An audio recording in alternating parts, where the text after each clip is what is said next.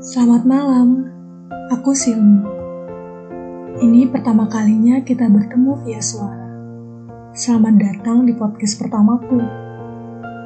Aku mencoba podcast karena aku percaya podcast menyediakan ruang bagi siapa pun yang mau bercerita. Podcast bisa menjangkau orang-orang yang mau mendengarkan lebih banyak ketika dunia sekitarmu terlalu bising untuk dapat dimengerti maksudmu. Karena ini kali pertamaku, aku harap ini adalah pertemuan yang berkesan, sehingga kamu tidak hanya singgah, tapi menetap. Kalau tidak, sampai jumpa di cerita lainnya. Doaku untukmu hari ini. Semoga hatimu selalu dilapangkan dan segala nikmat yang kamu terima menjadi cukup. Cerita kali ini tentang pemberian dari seseorang. Seringkali kita mengharapkan sesuatu dari orang lain. Apa yang orang lain berikan tak jarang jadi tolak ukur besarnya kasih sayang dan perhatian mereka kepada kita. Setidaknya itu yang sejak dahulu tertanam dalam pikiran kita. Semakin mahal suatu pemberian, maka semakin besar pula perhatian. Beberapa orang menunjukkannya dengan memberikan gadget keluaran terbaru, mobil, tiket liburan ke luar negeri, dan hal-hal mahal lainnya. Hal tersebut seakan menjadi tren yang dianut kebanyakan orang saat ini. Tapi, namanya hidup, ekspektasi tidak selalu sejalan dengan realita. Apa yang kita terima terkadang tidak cukup membuat kita bersyukur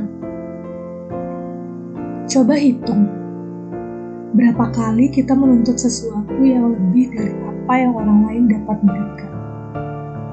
Bentuk protesnya bisa macam-macam, mulai dari protes secara langsung, tidak mengapresiasi dengan mengucapkan terima kasih, menunjukkan ekspresi datar saat diberi hadiah, atau barang-barang tertentu tidak kita gunakan dan malah diberikan kepada orang lain.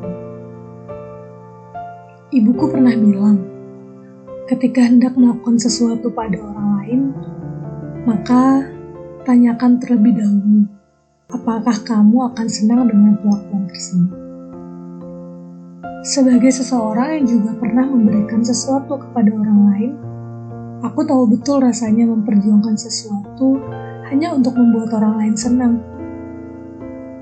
Tak jarang, aku menyisihkan uang jajanku yang tak seberapa untuk menghadiahi teman-teman baikku dalam hari besar mereka. Sesekali aku juga menahan kantuk dan menunda tugasku untuk mendengarkan celotehan mereka tentang hal-hal yang mereka rasa. Semata-mata karena aku ingin mereka tahu bahwa aku ada untuk mereka dalam bentuk apa pun. Satu hal yang aku yakini, dalam setiap pemberian selalu ada usaha di sana. Orang tua yang super sibuk merelakan waktu istirahatnya untuk memberi anaknya kehidupan yang layak.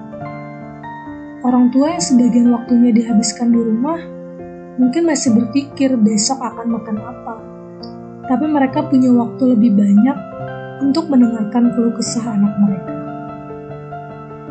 Seorang ibu kaya raya memberikan makanan mewah untuk keluarga Seorang ibu lainnya memasak masakan sederhana dengan penuh cinta. Seorang teman memberikan hadiah ulang tahun boneka beruang besar. Teman lainnya memberikan ucapan dan doa yang dipanjatkan dalam setiap sujudnya. Orang-orang itu memang tidak memberikan sesuatu yang bentuknya sama. Tapi aku pastikan di antara mereka semuanya berusaha untuk memberikan yang terbaik yang mereka bisa. Sudah dulu ya ceritaku hari ini. Nanti akan aku ceritakan cerita-cerita lainnya. Selamat tidur.